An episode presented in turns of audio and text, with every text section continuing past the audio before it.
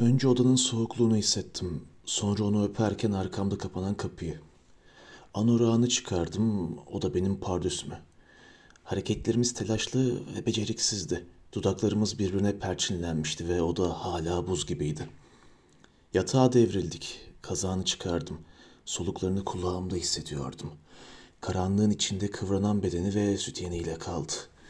Arzularım patlama noktasına gelmişti. Yüzü hiç bu kadar saf, bir melek kadar tertemiz görünmemişti.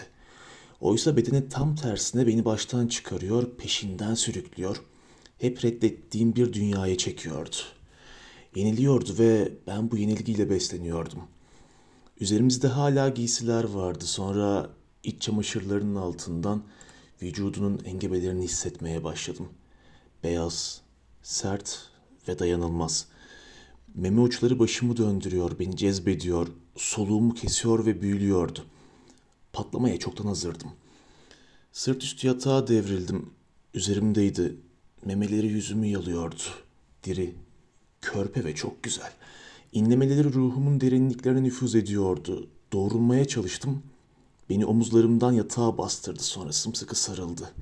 Tamamen kontrolümü kaybetmiştim. Çevremdeki hiçbir şeyi algılayamıyordum. İçinde bulunduğumuz arzularımıza gem vuramadığımız anın dışında. Bana hafif hafif dokunuyor, beni yönlendiriyor, istediğini yaptırıyordu. Üzerimdeki diğer giysileri de çıkarmıştı. Yıllardan beri kendime koyduğum yasakları, kendime söylediğim yalanları.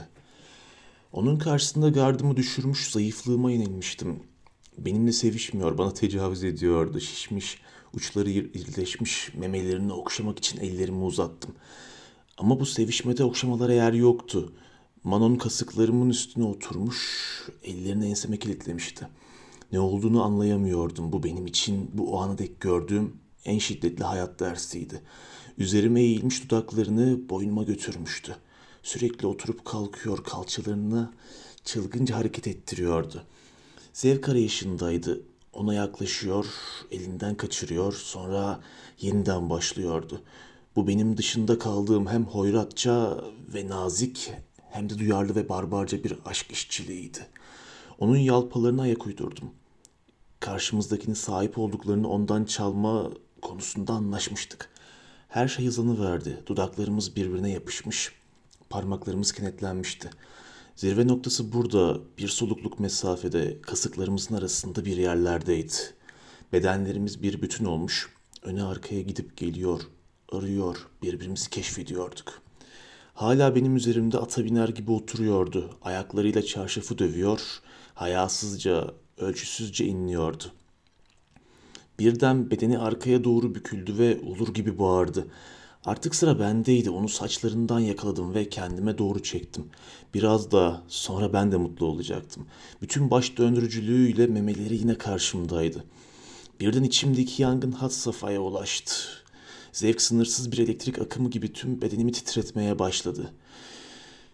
Bir saniye daha onu üzerimden ittim ve son bir kez daha iki yana açılmış kollarına, memelerine, gergin karnına, siyah pubisine baktım.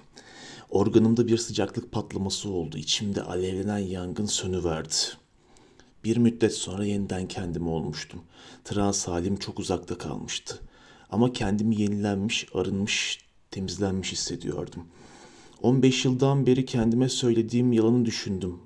Tanrı'ya duyulan aşk,